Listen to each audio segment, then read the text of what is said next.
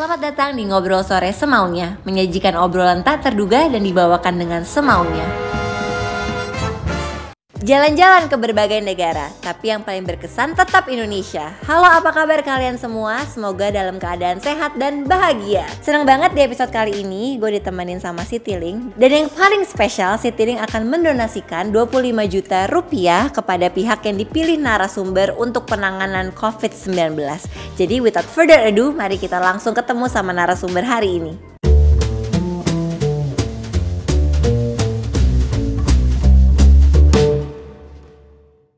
Selamat datang di Ngobrol Sore Semaunya bersama gue Putri Tanjung. Hari ini kita kedatangan uh, wanita cantik, very special. Ini pertama kali um, gue ngobrol juga secara langsung. Please welcome Hai. Isyana Saraswati. Akhirnya ketemu ya. Akhirnya ketemu, hi Gila how are you?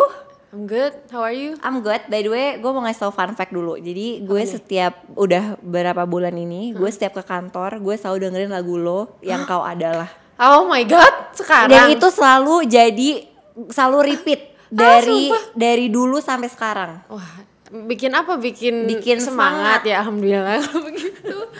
eh by the way karena ini pertama kali kita ngobrol, jadi let's start the show with a game. Oh, Biar oke. gue semakin mengenal lo lebih Oke. dalam lagi. Oke. Jadi kita mulai dengan game. Nama gamenya adalah mitos atau fakta.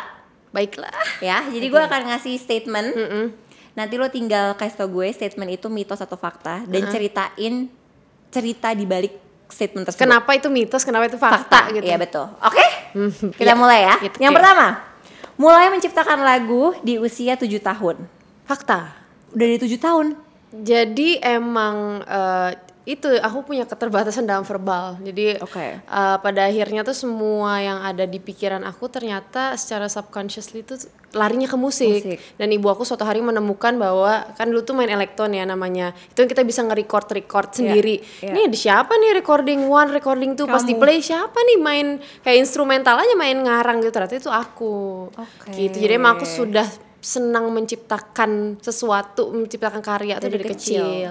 Kalau lirik, Lirik itu pertama kali aku buat untuk Hari Ibu.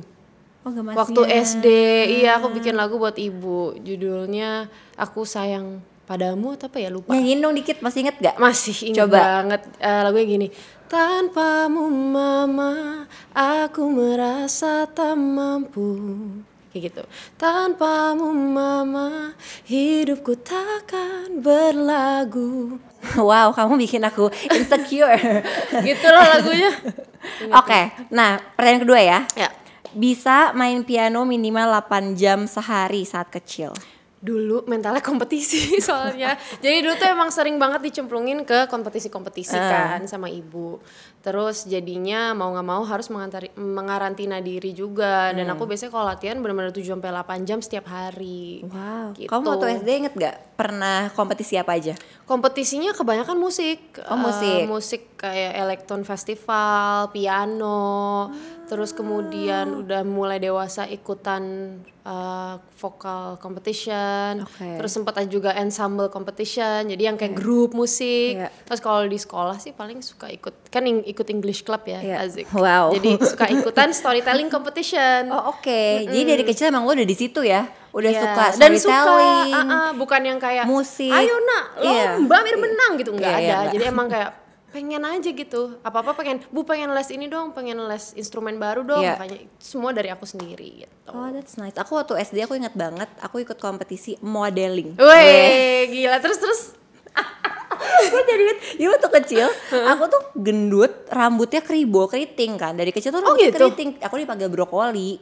Baik Jadi aku dari kecil tuh udah dibully, dipanggil brokoli. Tapi nggak tahu kenapa aku tuh pede banget. Jadi tuh aku ikut kompetisi modeling, ikut kompetisi nyanyi, padahal nggak bisa nyanyi.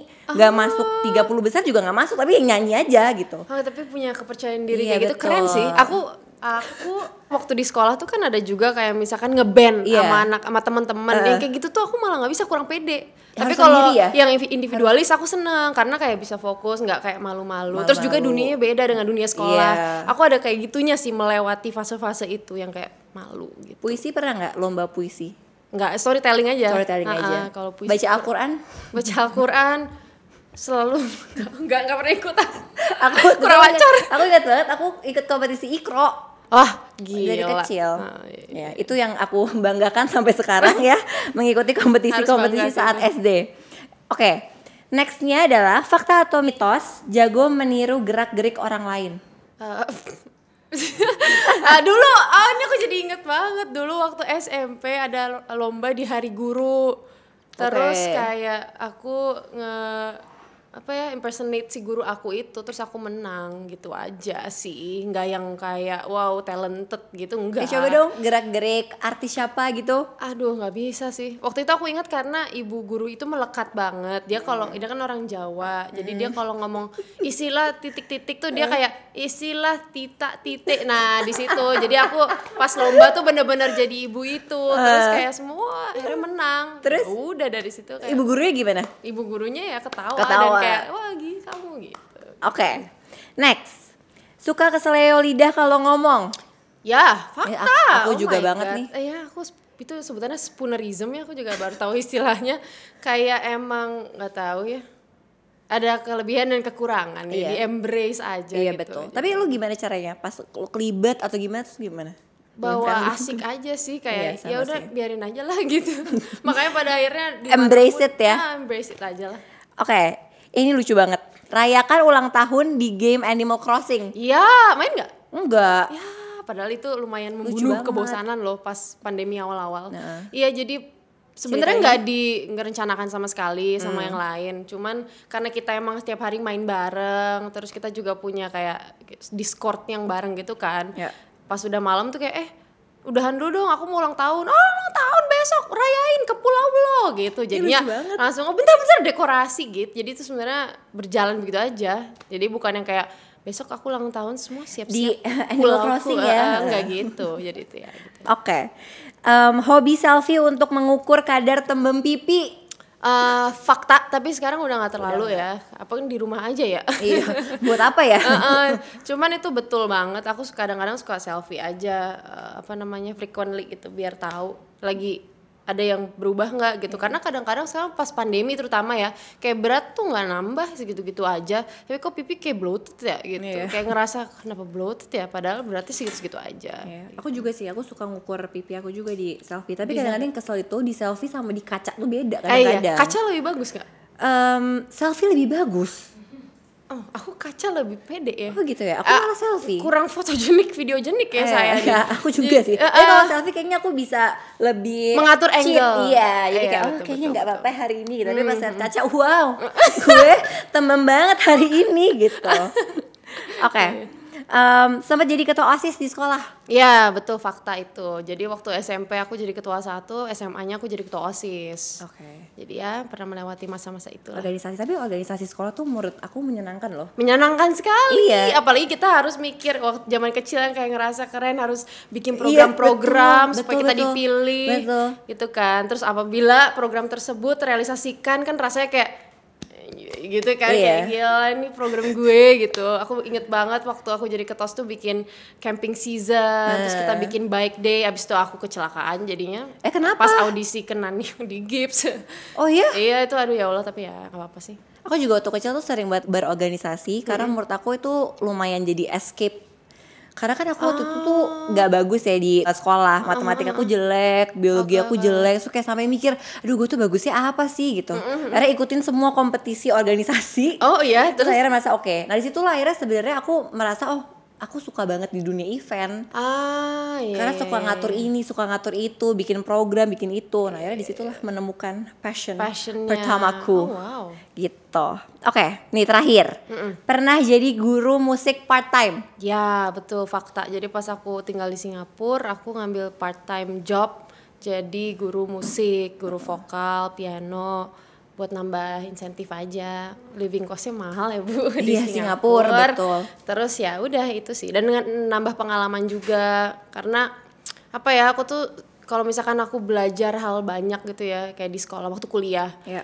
Suka pengen nga- ngajarin orang aja gitu terus aku bilang ya udah daripada kayak gitu aku coba part time aja juga deh sekalian pengen ngajarin orang lain kayak gitu. Iya. Nah, Ishan kan aku penasaran banget kan kamu udah lama ya di industri musik ini dari kecil udah tertarik sama musik, eh, sekolahnya juga musik gitu.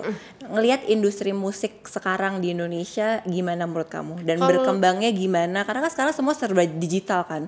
Semua orang jadi bisa eh, melaunching musik baru. Sekarang juga trennya udah nggak album lagi, sekarang makin single-single aja karena udah gampang semua streaming platform. Nah, menurut kamu gimana industri musik di Indonesia sekarang? Menurut aku sekarang industri musik Indonesia lagi ba- baik-baiknya ya malah karena sekarang semua orang bisa mengeluarkan karya kapan pun di mana pun aksesnya juga udah jauh lebih mudah. Ya. Terus juga aku ngerasa sekarang musisi-musisi Indonesia sudah mulai berani untuk just be themselves gitu loh. Udah nggak ada ba- banyak sekali orang-orang yang kayak "Oh, ini gua, ini karya gua, gua nggak peduli apa responnya. Yang penting ini jujur Ini dari gue, hati iya. gitu. Dan itu udah terlihat banyak dari teman-teman deket aku, musisi aku juga banyak. Iya. Dari aku pribadi juga aku merasakan itu Iya. di album yang terakhir. Jadi ya seneng seneng banget, seneng banget. Nah, proses kamu menemukan oke, gue mau jadi diri gue sendiri deh. Gue udah gue mau lebih idealis gitu. Maksudnya of course kan biasanya musisi yang awal muncul pasti mikir oke, gue harus commercialize nih. Gue harus bisa didengerin banyak orang. Nah, lo pernah pernah ada di tahap itu nggak Isyana? Maksudnya kayak oke, kapan nih lo bisa sejujur-jujurnya berkarya? Kalau aku sih dari proses pendewasaan aja, jadi memang pada saat album ke satu dan kedua itu pilihan aku juga untuk mengeksplorasi. Ya. Karena kan aku baru baru banget terjun ke dunia istilahnya komersil. Terus di saat itu, padahal aku gedenya hidupnya di klasik gitu. Ya. Tiba-tiba aku terjun eh, ikut label aku yang kemarin. Coba hal baru. and- dan aku pengen emang pengen mengeksplorasi genre yang aku nggak familiar Ya. di keseharian. Jadi itu bukan sesuatu yang ah biar komersil dulu enggak itu ya proses, Proses. aja proses album satu kedua dan ternyata setelah album ketiga nggak bisa dipaksakan ya aku selalu membuat lagu secara spontan ya ini yang keluar gitu nggak pakai direncanakan nggak pakai rumus ya gitu Iya. aja Nah kalau proses berkaryanya Isyana gimana? Dari awal melodinya dulu, konsepnya dulu, liriknya dulu, atau gimana biasanya? Kalau aku biasanya tergantung suasana. Ada yang bisa eh mayoritas sih biasanya aku musiknya dulu ya. Ya. Karena kan aku emang basicnya tuh instrumentalis awalnya. Komposer instrumentalis gitu. Nah, biasanya aku musiknya dulu, setelah itu aku cari melodi baru lirik. Ada juga beberapa yang biasanya aku main sambil langsung ngehumming lirik. Eh ngehumming Oke. melodi. Oke. Jadi langsung nana sambil kayak eh ini kayaknya langsung masuk deh sama melodinya baru ntar lirik. Ada juga yang eh, dari lirik yang udah ada aku terapkan ke musik gitu. Biasanya prosesnya berapa lama untuk bikin satu lagu? Tergantung, ya. ah, Paling cepat, tergantung. paling cepat Paling cepat berapa ya? Bisa aja sih cepet banget kalau emang momentumnya lagi Pas dapet. ya? Iya, itu bisa lah. Eh, jadi satu lagu plek gitu bisa sih setengah jam itu bisa. setengah jam. Mm-mm. Paling lama? paling lama ada lagu yang sampai sekarang nggak jadi tuh ada Kenapa? karena pada akhirnya ya momentumnya hilang terus kemudian juga ya moodnya udah nggak ada Udah nggak ada. Nah, bisa tuh kayak gitu bikin lagu terus habis itu udah ditinggalin setengah jalan bisa ada yang tiba-tiba kayak "Heh, lagi manik gitu Iya, iya. ah, gitu jek jadi bisa jadi ya tergantung Tergantung. Nah, kenapa tadi kamu bilang kan, kenapa album ketiga ini menurut kamu yang paling jujur?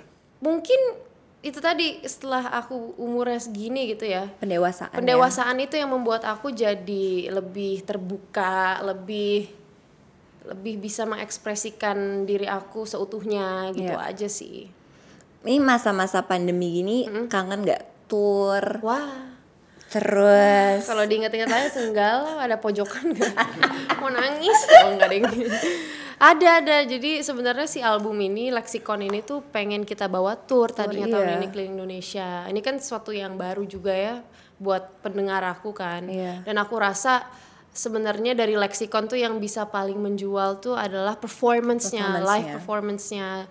apa ex- experience pada saat mereka nonton live tuh akan jauh berbeda sama denger musiknya doang Iya. tapi ya itu semuanya jadi harus eh, apa namanya Ditunda terhentikan dulu. ditunda ya Oke, kalau misalkan udah pandemi udah over, udah selesai nih.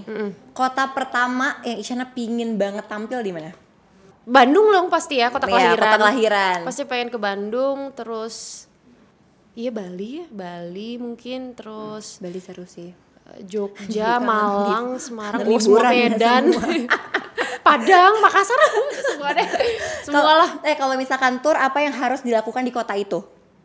Biasanya. Yang harus dilakukan ya, makan makanan khas sana Iya atau iya. ke- apa? Makan makanan khasana juga. bisa sih. Tapi aku biasanya lebih sering menghabiskan waktu di hotel. Oh. Iya. Aku juga senang sih sebenarnya. Kayak Apa, hot- ngapa-ngapain di hotel. Iya kan? Istirahat, Iya, waktu istirahat. Karena kadang kita capek tuh perjalanan, malamnya harus fit. Jadinya istirahat di kamar gitu. Ishan kalau dalam berkarya sehari-hari dan segala macamnya ada nggak sih satu value yang selalu Isyana pegang dan nggak pernah dilepas gitu dari dulu? eh ada. Selain berkarya klise, sekalian berkarya secara jujur, kalau buat aku pribadi sebagai pelaku seni harus selalu nyaman dengan karyanya karena Iya. itu penting. Saat kita harus menggaungkan sebuah karya tapi setengah hati itu berat sih, berat Iya. banget. Jadi yang penting kitanya nyaman, apa pun jadinya kalau kita udah nyaman, kitanya udah ikhlas, apa pun respon dari orang udah nggak terlalu doesn't really matter gitu loh Iya. dan kita harus tahu bahwa akan selalu ada yang terima dan enggak itu udah ya kan musik bukan ilmu yang eksak gitu ya Iya, betul. bukan sesuatu yang bisa uh, kita paksakan orang untuk suka tergantung preferensi orang masing-masing gitu. Iya. jadi ya udah udah terima itu yang penting jujur kitanya happy itu itu pesan yang ingin kita sampaikan ya udah cukup itu aja Aku sering dengar em, teman-teman aku yang eh, rising musician gitu ya, dia mereka selalu bilang bahwa em, mental health itu salah satu yang em, apa ya, yang harus dijaga banget. gitu. Terganggu banget ya pasti. Terganggu banget. ya Karena pas kayak udah oke, gue udah nyaman sama musik gue, gue udah I'm ready untuk semua Ya. orang dengerin. Ya. Terus ternyata responnya nggak sesuai sama apa yang lo bayangin gitu. Nah, how do you deal with it? contohnya aja leksikon ya Ya. Nggak tahu kenapa walaupun streamingnya jauh lebih rendah dibanding satu dan kedua tapi lagi-lagi karena aku merasa this is me gitu kayak Iya, iya. aku jadi nggak ada pressure dan tekanan yang berlebih gitu loh kayak "Hah, kenapa ya kenapa nggak tapi aku jadi kayak "Ya udah ini aku dan aku malah seneng karena ekspektasinya jauh lebih tinggi dari apa yang kita bayangkan pendengarnya tuh ternyata ada loh. Ada. ternyata masih ada karena terlalu ekstrim perbedaannya Iya. dari yang satu dan kedua jadi buat aku sih kebetulan nggak Jadi set the expectationnya juga ya dari awal kayak Iya. harus be- Uh-uh, aku udah dari awal album ini nggak berekspektasi apa-apa ini ya udahlah keluarin aja gitu ini apa adanya gitu Terus waktu waktu awal kayak oke gue yakin nih gue pingin menjadi seorang musisi gitu ya. Terus akhirnya sekarang seterkenal sekarang Iya semua orang tahu nama Isyana gitu. Terganggu terganggu nggak sih Isyana sama fame itu sendiri dan em, definisi Isyana tentang fame gimana and how you deal with it gitu. Karena banyak banget yang juga curhat di ngobrol sore semuanya karena kita ada curhatan kan kita ada sesi curhat semaunya. Tuh banyak banget kayak musisi-musisi yang baru bener-bener mau memfokuskan diri untuk menjadi musisi ya semua tuh pada takut justru malah takut terkenal. Kayaknya ter- sebenarnya tergantung karakter masing-masing Masing-masing. orang ya tapi aku termasuk orang yang cukup dominan dan bisa memilih apa yang aku inginkan gitu loh. Jadi aku bisa mengontrol diri lah. Iya. ada adiknya gitu loh punya dom- dominan. Terus apa lagi ya? Kalau fame itu iya tergantung objektifnya kalau aku memang udah tahu pengen jadi seorang musisi pengen berkarya dan karyanya dikenal sama banyak orang kan Iya. udah tau lah kalau misalnya kita jadi someone under the spotlight pasti akan ada plus dan minus Betul. Ada min ya plusnya juga. adalah karya kita dikenal orang ya itu Iya. berarti tujuan kita tercapai minusnya ya paling itu ya kehidupan pribadi kita akan sedikit terusik tapi ya gimana kita cope with it aja nggak sih maksudnya Iya, kalau aku ya setuju. bi- mencoba untuk gimana cara aku membatasi kehidupan pribadi dengan kehidupan karir ya Iya. dan menurut aku kayaknya aku cukup oke ya karena tiba-tiba aku nikah loh kapan pacarannya kayak 12 tahun kapan gitu Iya, iya, benar-benar. padahal ya kalau misalkan nih main ke sini tuh ke seberang kayak gitu suka ikut kok maksudnya Iya, suami iya. aku tuh sering banget Iya, ikut, ikut. nemenin kayak ya udah santai aja gitu Iya. loh nggak aku bawa tegang kalau dibawa tegang malah, Malah gerak-geriknya kelihatan, bikin curiga iya, nggak sih? betul. dia selalu nemenin kok kalau dia lagi bisa ya Iya. karena kan emang LDR juga kan dia Iya. di Jogja aku di sini LDR berapa tahun LDR 6 tahun pas aku di Singapura dia di Jogja dan suami sangat mendukung karir Isyana ya sangat mendukung dari kecil karena dia melihat banget proses aku dari berkarir pada saat aku masih SMP Iya. kan kita bener-bener kenal dari SMP kan dari yang aku lomba-lomba elektron Lucunya. apa sampai akhirnya aku kuliah terus akhirnya aku kayak eh ini aku ditawarin label nih kayak gitu dari dia ngelewatin itu semua sih Sampai sekarang. sampai sekarang gitu yang dan yang belum Isyana achieve apa yang mau oke in short term tiga tahun lagi oh short term. Ada yang long term. Itu apa long term apa? Kalau- long term long tuh term aku apa? pengen bangun music center. Itu adalah mimpi aku dari sebelum aku terjun ke Ah. uh, dunia dunia entertainment ya. Iya. karena memang itu tadi uh, aku pengen sharing apa yang udah aku dapatkan dari dulu. Terus aku pengen punya music. Itu bagus center banget dengan di dalamnya itu ada music labelnya, ada music Ah, production, music studio, mi- mini music school, Iya. music school yang juga punya silabus sendiri. Ih, itu sih banget. mimpi aku gitu That's so good itu bisa ngedukasi anak-anak muda juga yang mau jadi banget musisi iya bagaimana cara ngetrain seseorang supaya benar-benar bisa jadi a professional true musician tuh gimana karena banyak Iya. Serunya. banget hal-hal yang aku pelajari pas kuliah yang mungkin uh, bisa aku share ke orang untuk menambah Iya. wawasan mereka oh musisi tuh mungkin gak hanya sekedar skill dan teknik Iya. tapi ada banyak banget aspek-aspek lain yang bisa digodok gitu untuk biar jadi mateng banget gitu. eh siapa tahu kita bisa berkolaborasi oh ya boleh banget. bikin nomor HP music boleh bikin banget music school sponsor Eh, kita yang mencari sponsor bersama Oh, nanti kita tinggal bagi profit Amin, Ya kan? amin, dan amin kita banget. bisa ngebangun bareng-bareng Amin amin. Soalnya itu seru sih menurut aku. Iya benar. Nah, dan belum ada juga di Indonesia. Ya kan? Jadi, iya benar belum ada di Indonesia.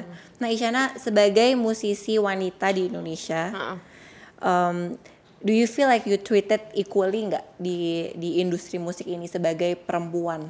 Aku ya pribadi Nah, ya, sih merasa eh, aku cukup beruntung ya karena Ya. aku merasa treated equally, Ya. mendapatkan banyak sekali kesempatan-kesempatan yang emas. Ya. Dan aku juga ngerasa sebenarnya eh, sekarang musisi-musisi dan solois wanita di Indonesia panggungnya lagi banyak banget Banget malah. ya, setuju. Heeh. Nah, jadi sepertinya tapi nggak tahu juga karena kan pengalaman setiap orang pasti Beda berbeda ya. ya. Cuman aku ngerasa aku pribadi cukup beruntung lah dengan apa yang aku dapatkan gitu. Oke, nah kalau tadi ngomongin kolaborasi, kolaborasi sama siapa yang paling berkesan? Paling susah banget. Ayo dong, semua kolaborasi berkesan. Sangat berkesan ya kayak pertama tuh sama Rai. ya. Kamu lah ya kan. Maksudnya kayak wow.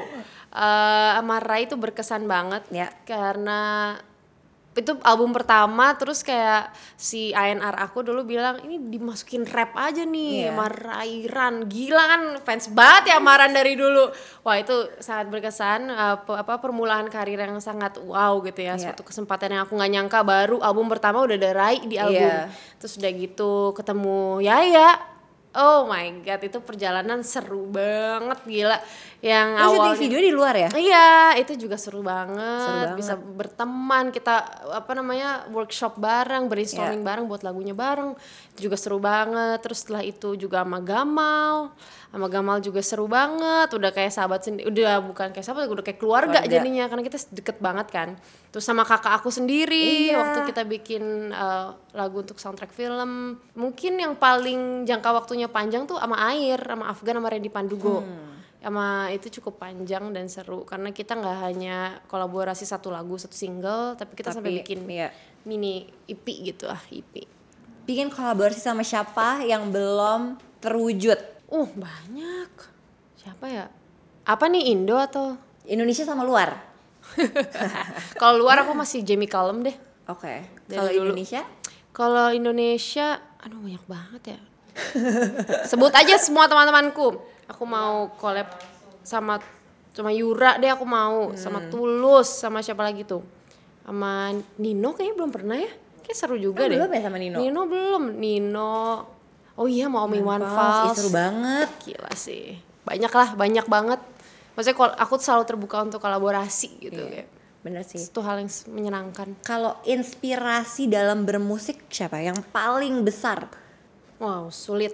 Sulit ini jawabannya karena eh, aku aku tuh nggak mengkotak-kotakan genre dan Iya. musik gitu ya. Jadi banyak banget musisi-musisi yang aku dengarkan yang akhirnya eh, hal-hal yang menginspirasi aku petik aja Iya. dan aku tanamkan untuk menjadi diri aku. Terlalu banyak ada yang dari dunia klasik, ada yang dari dunia rock, ada yang dari dunia pop, R&B ada yang dari jazz sebenarnya banyak, banget sih Kok di dunia rock siapa? dari dunia rock Queen Oh ya. Queen sama akhir-akhir ini Dream Theater Oke. Nah, kita akan masuk bridging. kita akan masuk ke sesi berikutnya. oke Di setiap episode ngobrol sore semaunya, kita ada curhat semaunya. Jadi gue akan bacain curhat dari em, teman setia yang nonton ngobrol sore semaunya. Oke. Nanti Isyana bisa mengasih pendapat dan saran atas curhatan dari Gila, jelek em, banget aku kalau ngasih saran ntar malah orang mau itu jadi putus lagi nanti Oke. Namanya adalah Danti. Hai, kenalin aku Danti. Sejak kecil aku suka banget bermusik dan nyanyi. Aku rasa aku udah nemuin passionku karena setiap bermusik aku selalu enjoy dan happy. Tapi akhir-akhir ini aku lagi ngerasa insecure banget dalam bermusik karena kebetulan aku seneng banget nulis lagu dan beberapa kali aku post ke media sosial. Walaupun alhamdulillah ada aja yang support dan ngasih positive insight, tapi nggak sedikit juga yang bilang kalau ti- kalau tipe lagu yang aku bikin itu nggak ngejual dan terlalu idealis. Walaupun niat aku nulis lagu emang karena aku mau cerita, bukan untuk impress siapa-siapa, tapi tetap aja kadang-kadang omongan kayak gitu, tanggapan orang bisa bikin aku sedih atau bingung sendiri dan mikir kalau lagu yang aku tulis itu nggak ada yang bagus. Dan berujung sering kali prosesnya berhenti di tengah jalan dan gak bisa dilanjutin. Nah, Kak Isyana ini udah tahu kalau misalkan Isyana kita udah kasih tahu Oh, kalau- iya, kok udah kita, panggil? iya, kita udah udah kasih tahu kalau kita akan ngobrol sama Isyana. Jadi dia bilang, nah Kak Isyana pernah nggak sih ada di fase kayak gini, di mana kita ngerasa kita nggak peduli omongan orang, tapi se- sebenarnya justru kepikiran banget, cuma denial aja. Ujung-ujungnya malah jadi bikin kita stuck. Kalau pernah sharing ya Kak, gimana caranya untuk bisa mulai lagi dan percaya diri lagi. Makasih. Eh, pegang lagi niat kamu yang di awal kamu cuma ingin bercerita kan lewat musik. Ya udah maksudnya musik itu eh, kebetulan aja mungkin eh, teman-teman yang dengerin kebanyakan teman-teman dari kamu yang dengerin selera musiknya bukan seperti itu. Tapi pasti akan ada kok orang-orang yang menyukai musik kamu sesuai dengan idealisme kamu. Yang penting kamu jangan menyerah eh, apa namanya keep being you. Wow promo. Keep being you aja dan jalan terus. Jangan bikin perkataan orang lain jadi membuat kamu berubah bukan menjadi diri kamu sendiri. Menurut aku sih itu. Ya maksudnya di hidup pasti ya kamu akan melewati hal seperti ini gitu ya Em, kalau misalkan ada kritik yang membangun bisa kamu ambil. Tapi kalau menurut kamu ya ini kayaknya ini terlalu menyakitkan dan tidak bisa membangun aku jadi orang yang lebih baik nggak usah didengerin. Tutup telinga aja udah gitu. Setuju. gitu sih. Yang pasti tahu sulit sih untuk ngelewatin itu. Ya apalagi ya menurut aku juga kamu harus punya inner circle yang support system yang baik sih. yang positif yang mendukung kamu. Iya. kamu cari aja inner circle yang emang ngedukung kamu sebagai kamu apa Iya. adanya gitu jadi omongan orang yang nggak kenal kamu banget nggak usah terlalu dimasukin hati lah gitu Ya, aku setuju sih. Jadi yang spesial di ngobrol sore semaunya eh, bareng sama Citiling, Citiling akan mendonasikan 25 juta untuk pihak eh, yang membantu penanganan COVID-19. Isyana boleh milih mau ke pihak mana Citiling akan mendonasikan 25 jutanya? Eh, tenaga medis Oke, Isyana thank you so much. Thank you. Udah ngobrol-ngobrol di ngobrol sore Iya, semaunya. thank you so much. Sebelum kita bye bye bye bye. Games enggak ya? enggak enggak. Sebelum bye bye bye bye. Kan nanti ngobrol sore semuanya ini kan will forever stay di YouTube. oke Ya kan? Jadi kalau misalkan Isyana lima tahun lagi iseng-iseng nonton interview kita ya di ngobrol sore semuanya, kamu ada nggak yang kamu mau sampaikan atau pesan-pesan untuk Isyana di lima tahun mendatang? Kalau nanti Isyana lima tahun itu nonton lagi, apa ya hmm. apa pesan-pesan untuk Isyana lima tahun? selamat Isyana lima tahun ke depan kamu survive sejauh ini. Berarti umur aku udah tuh udah gak bisa kepala tiga udah eh, terus apa namanya eh congrats juga akhirnya kamu sudah mencapai mimpi kamu Eh, walaupun kita nggak tahu ya walaupun apakah music centernya sudah jadi apa belum tapi kamu sudah melakukan turunan turunannya dulu Eh, congratulations udah gitu tetap semangat dan terima kasih sudah mau bertahan sampai 2025 gitu Thank you. Yeay. Terima kasih teman-teman yang udah nonton Ngobrol Sore semaunya. Jangan lupa untuk terus nonton Ngobrol Sore semaunya setiap hari Kamis jam 6 sore untuk dengerin full versionnya bisa dengerin di Spotify. Bye.